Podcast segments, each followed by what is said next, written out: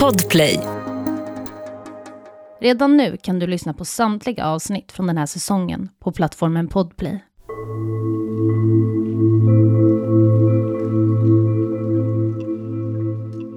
Det är en varm sommarkväll 2013. Cody och Jordan har nu varit gifta i åtta dagar. Men snart inträffar något märkligt. Cody verkar ha lämnat hemmet för att träffa några vänner och försvinner därefter spårlöst. Polisen kopplas in i fallet och ingen hade någonsin kunnat tro att den romans Cody och Jordan verkar ha haft skulle slutat i en sådan katastrof. Du lyssnar på Jakten på mördaren, en podcast av Saga Lindqvist Springhorn. Jag vill varna för grovt innehåll i dagens podcastavsnitt. Cody Johnson föddes 8 april 1998. Han växte upp i Kalifornien tillsammans med sin mamma Sherry. Sherry och Cody stod varandra nära. Codys mamma ville att han skulle få en trygg uppväxt nära till djur och natur och bestämde sig därför för att flytta till Western Montana.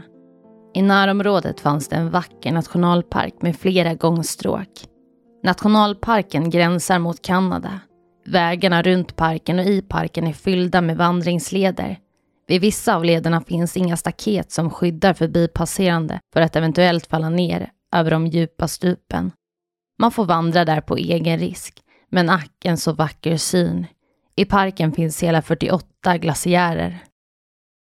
Cody förälskar sig snabbt i sitt nya område. Naturen och nationalparken var hans andra hem.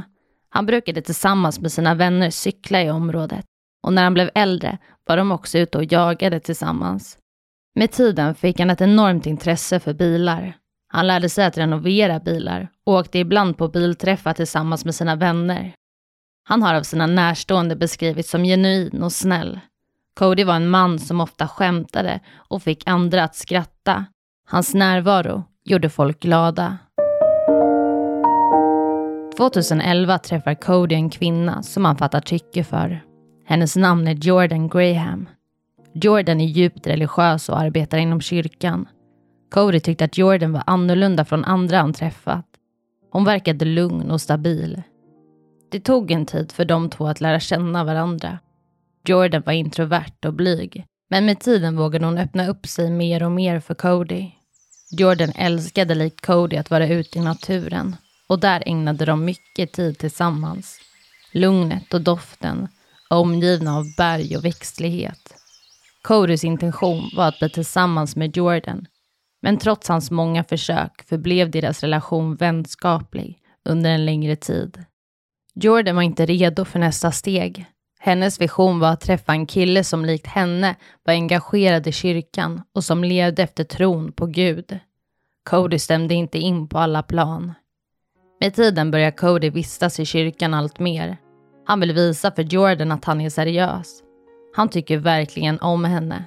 I kyrkan lär Cody känna människor som blir några av hans nya vänner. Vänner som också har umgänge med Jordan. Cody och Jordan umgås nu mer naturligt och sporadiskt med varandra i deras gemensamma bekantskapskrets. Och nu ser Jordan potential till en kärleksrelation.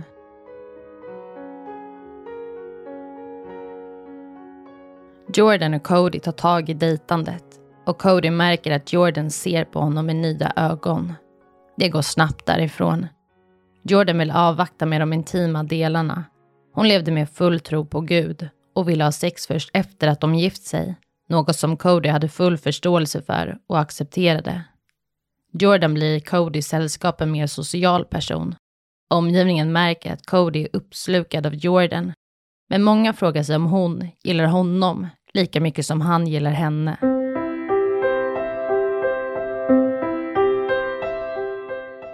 Ja, Cody och Jordan är nu tillsammans. Jordan är 22 år gammal och Cody är 25 år gammal. Många i deras omgivning upplever att Cody gillar Jordan mer än vad hon gillar honom. Jordan och Cody pussar aldrig varandra offentligt och de håller aldrig varandra i handen. De är liksom inte så där nära som deras omgivning upplever att andra par är.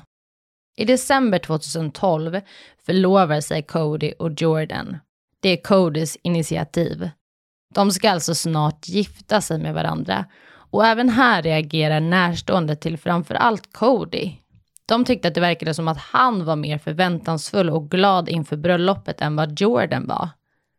Bröllopet närmar sig och paret köper ett hus som de senare ska flytta in i tillsammans. De planerar ett unikt bröllop som ska kännas som deras. De betalar låtskrivare för att skriva en låt om deras relation som sedan ska framföras på bröllopet. De verkade i alla fall se fram emot vad som väntade. Vi går vidare.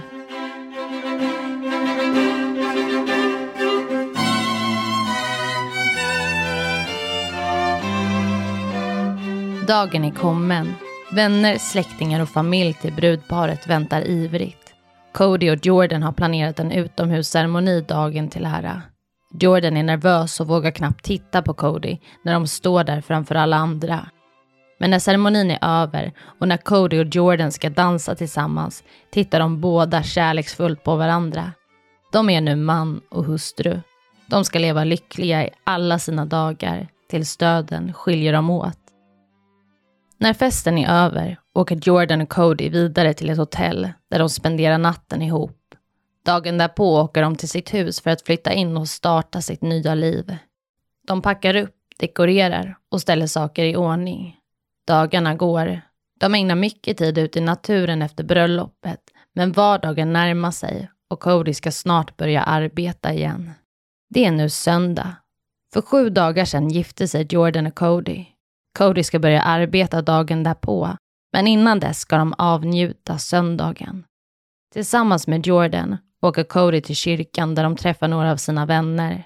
De umgås tillsammans och äter sedan middag på en restaurang i området. Dagen därpå dyker inte Cody upp på arbetet. Vanligtvis var han på plats klockan sex på morgonen. Men den här måndagen syns inte Cody till. Cameron, Codys chef, ringer till Cody men får inget svar. Cameron åker därför hem till parets hus och knackar på, men ingen öppnar.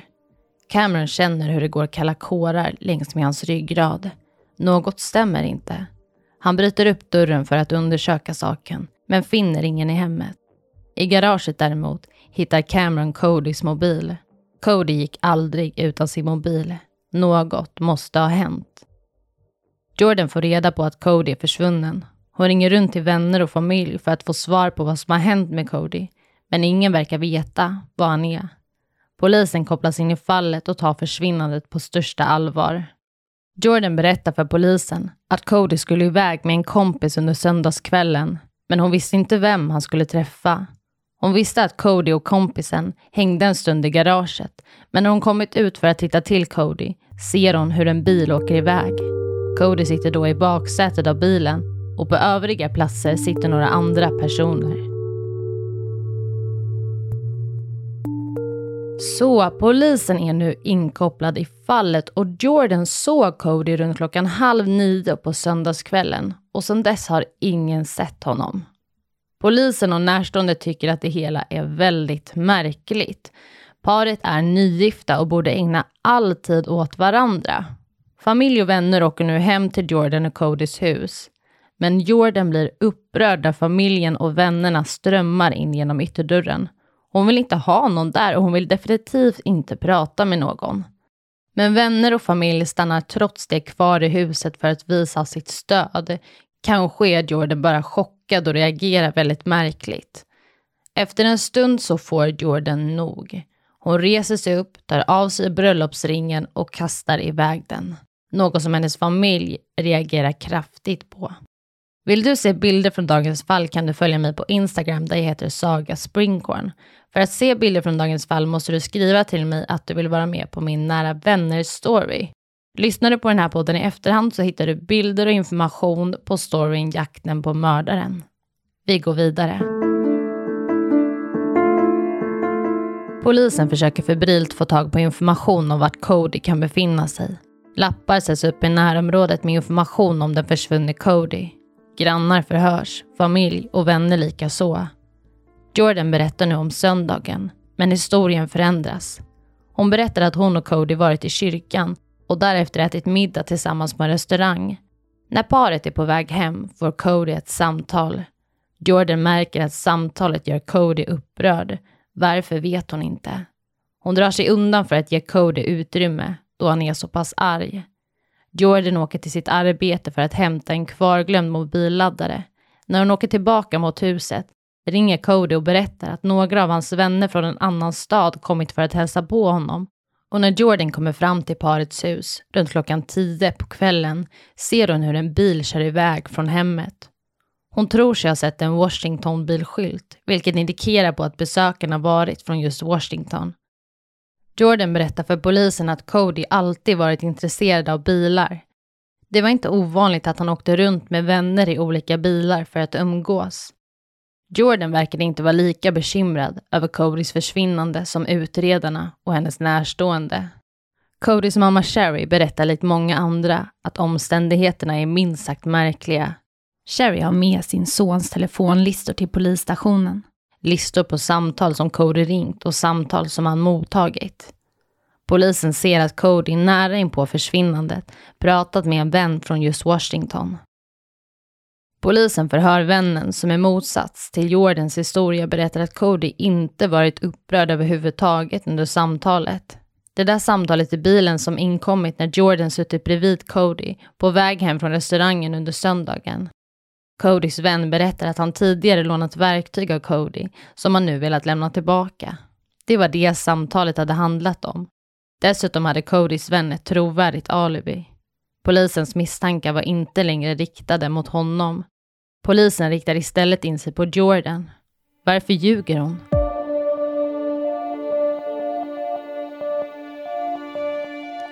Som ni säkert förstår så letar man febrilt efter Cody och i detta skede har man inte funnit honom än.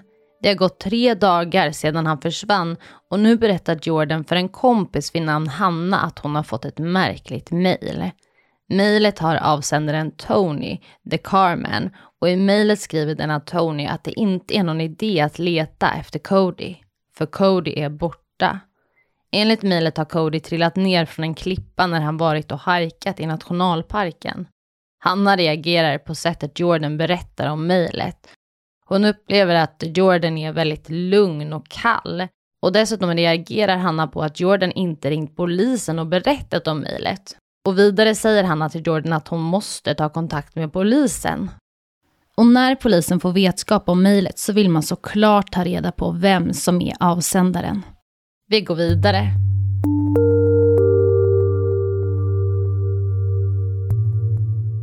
Mejlet kommer från ett Gmail-konto. Polisen begär uppgifter om kontot men tvingas vänta på svar. Den som skrivit mejlet hade uppenbart velat att utredningen skulle upphöra om utredarna fick reda på vem som skickat mejlet kunde de säkert komma närmare sanningen. Mejlet hade berättat om att Cody ramlat ner från en klippa i nationalparken. Man undersöker därför enorma områden i nationalparken men finner ingen Cody. Flyers om Codys försvinnande sätts upp i parken för att besökarna ska vara uppmärksamma. Området är så pass stort att polisens undersökning av parken inte räcker till. Jordan och hennes väninna Hanna går tillsammans med några andra runt i parkområdet för att leta efter Cody. Jordan upplevs som obrydd i sökandet. Hon verkar inte vilja vara där. Dagen därpå fortsätter Hanna och Jordan att leta efter Cody i nationalparken tillsammans med närstående och familj. Jordan har den här dagen tagit med sin lillebror till parken för att hjälpa till i sökandet. De åker med Jordans bil längs med parken Hanna ser ett område som ser intressant ut och ber Jordan att stanna för att de tillsammans ska kunna undersöka området. Men Jordan lyssnar inte. Hon fortsätter att köra. Hon har siktet inställt på en specifik plats. Gruppen i bilen låter henne köra vidare. Jordan fortsätter upp mot en hög ravin med skarpa klippkanter. Väl uppe på toppen går Jordan ut ur bilen. Gruppen följer efter. Jordan berättar att just den här platsen som de nu är på är en väldigt speciell plats för henne och Cody. De hade besökt platsen flera gånger tillsammans. Därför vill hon leta just där. På en klippkant flera meter ovanför marken. Men Jordan går som att hon gjort det flera gånger förr. Gruppen går efter henne. Jordan har nu kommit fram till kanten flera hundra meter över marken. Hon tittar ner och säger “Jag tror att han ligger där”. Hon fortsätter att titta ner och är nu helt säker på att det är Cody som ligger där nere. flera meter ner i ravinen. Jordans bror tittar ner och tycker sig lika så se något. Men han är inte säker. Han börjar gråta. Polisen kontaktas och kommer snart till platsen. Kroppen ligger svårtillgänglig flera meter ner. Man ser Codys blåa tennisskor som han haft på sig samma dag som han försvunnit. Polisen förstår att uppdraget kommer att bli svårt, men man måste få tag på kroppen för att utreda om det verkligen är Cody. En FBI-agent kopplas in i fallet och viras ner med ett rep över klippkanten. Agenten konstaterar att det ligger en avliden man längre ner i ravinen. Allt tyder på att det är Cody som ligger där, avliden. Codys huvud har kraftiga skador, likaså armarna. Fallskador. För att få upp kroppen från platsen behövs en helikopter. Trots den svårtillgängliga platsen lyckas man till slut få upp Codys kropp. Närstående till Cody vittnar om att Cody alltid varit livrädd för höjder. De kan inte tro att Cody ställt sig på klippkanten självmant.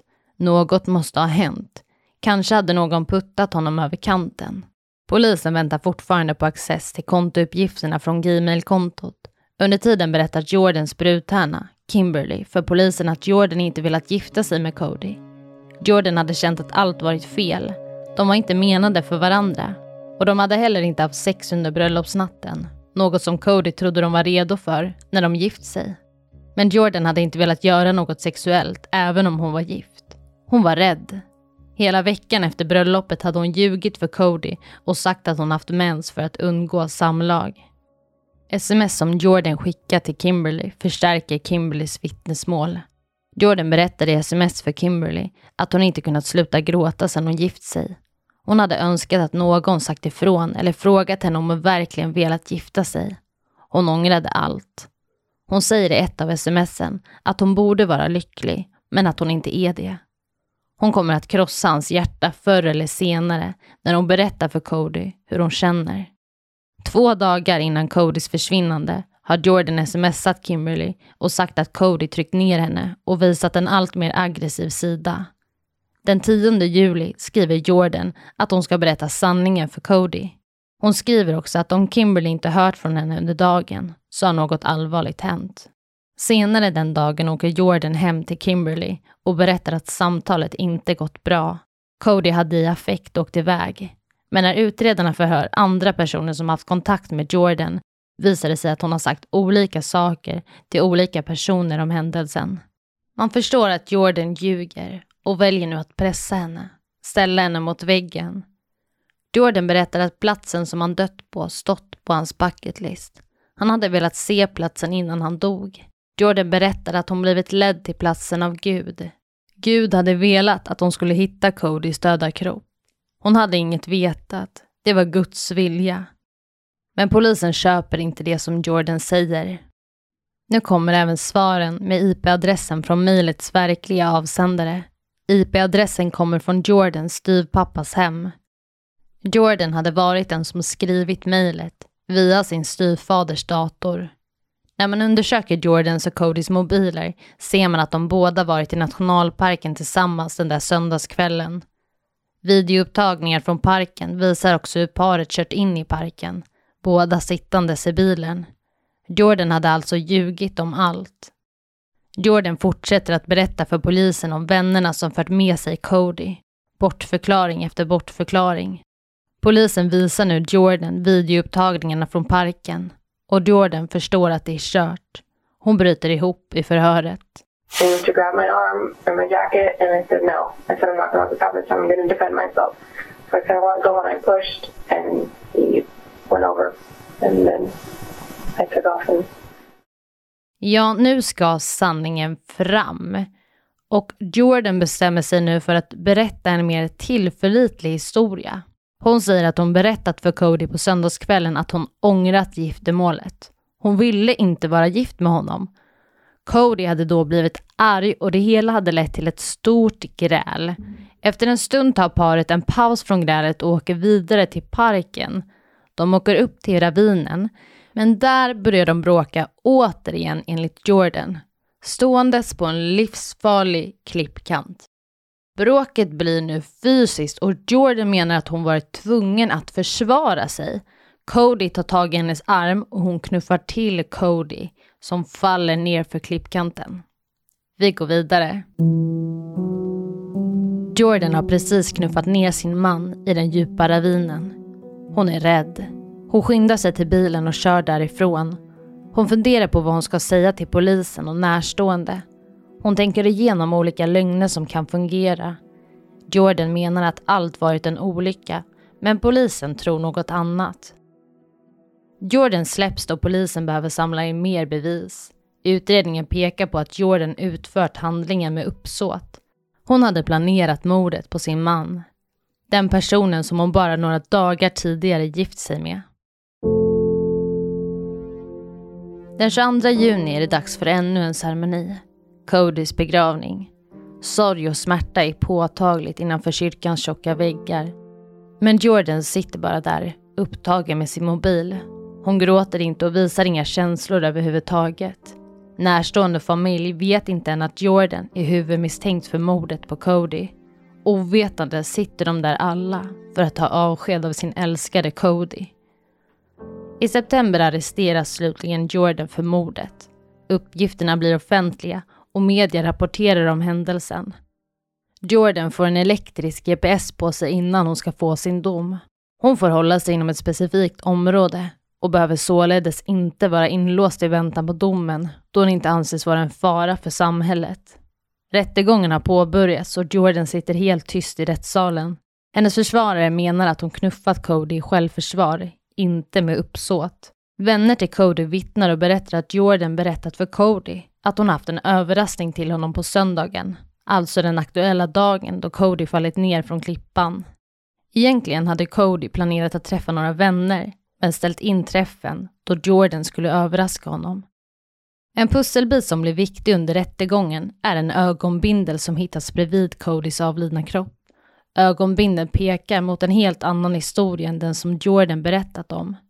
Varför skulle Cody ha haft på sig en ögonbindel innan sin död om paret åkt till platsen som vänner? Hade Jordan hunnit trä på ögonbindeln under bråket? Inget som Jordan tidigare berättat om. Ögonbindeln talar sin egna historia och Jordan orkar inte mer. Hon förstår vad som väntar och slutligen erkänner hon sig skyldig för att uppsåtligt ha dödat Cody. I oktober döms Jordan för mordet på sin man Cody. Hon får 30 års fängelse. Amazing grace. Och det var allt för dagens avsnitt. Om du tycker om podden får du väldigt gärna gilla och skriva en recension. Och om du har frågor eller tips på fall så får du gärna skriva till mig på Instagram där jag heter Saga Springcorn eller mejla till jakten på mordaren springcorn.se. I nästa vecka kommer jag berätta om två fall. Ett fall där ett gäng ungdomar bestämmer sig för att campa i skogen. Och den där campingtrippen slutar i en mardröm, åtminstone för en av ungdomarna. Jag kommer också berätta om en småbarnsmamma som heter Latisha som försvinner spårlöst efter sitt arbetspass. Och om du inte orkar vänta tills nästa vecka så finns avsnittet redan nu publicerat på plattformen Podplay. Tack för att du har lyssnat på dagens avsnitt. My heart to fear and grace my fear.